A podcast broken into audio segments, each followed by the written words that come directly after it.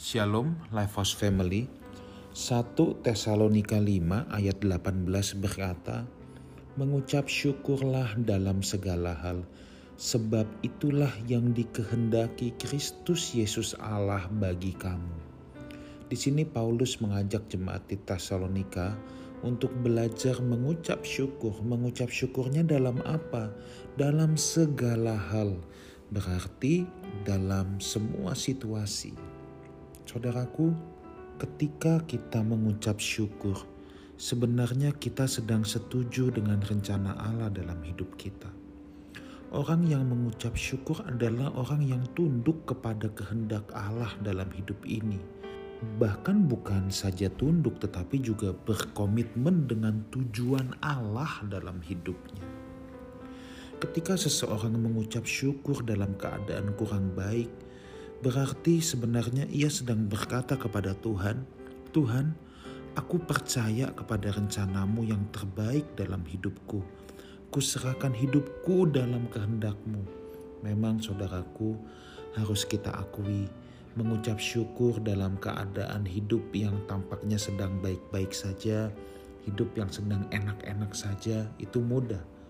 Tetapi bagaimana ketika hidup ini penuh dengan tantangan, Bagaimana ketika hidup ini ada dalam badai, dalam gelombang lautan yang begitu kuat menghempas? Apakah mudah mengucap syukur? Saya harus akui dengan jujur, tentunya keadaan-keadaan yang kurang baik membuat kita sulit untuk mengucap syukur. Tetapi seperti yang tadi saya sudah katakan, orang yang mengucap syukur adalah orang yang tunduk pada kehendak Allah. Orang yang mempercayai tujuan-tujuan Allah dalam hidup kita itu berarti saudaraku, orang yang mengucap syukur sekalipun keadaan yang tidak baik, dia adalah orang yang percaya pada rencana Tuhan dalam hidupnya. Tidak semua rencana Tuhan kita bisa lihat baik menurut pandangan kita saat ini juga. Tetapi percayalah saudaraku, ketika kita melewati tahun-tahun panjang kehidupan, kita akan betul-betul merasakan bahwa kalau kita melihat ke belakang, rencana Tuhan adalah baik adanya. Kuserahkan hidupku pada kehendakmu, itu yang harus menjadi bahasa kita. Orang yang mengucap syukur juga akan mengalami damai sejahtera Allah dalam hidupnya, sekalipun ia berada di tengah-tengah masalah.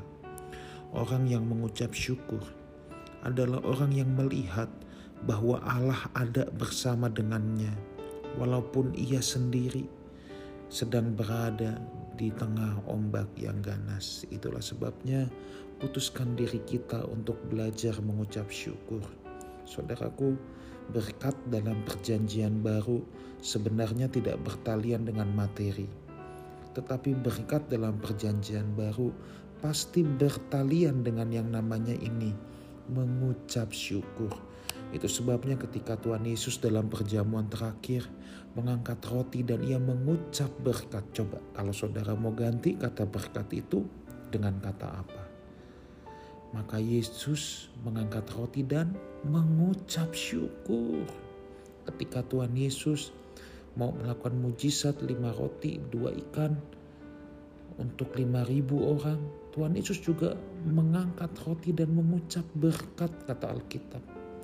Kata berkat di sana bertalian dengan mengucap syukur.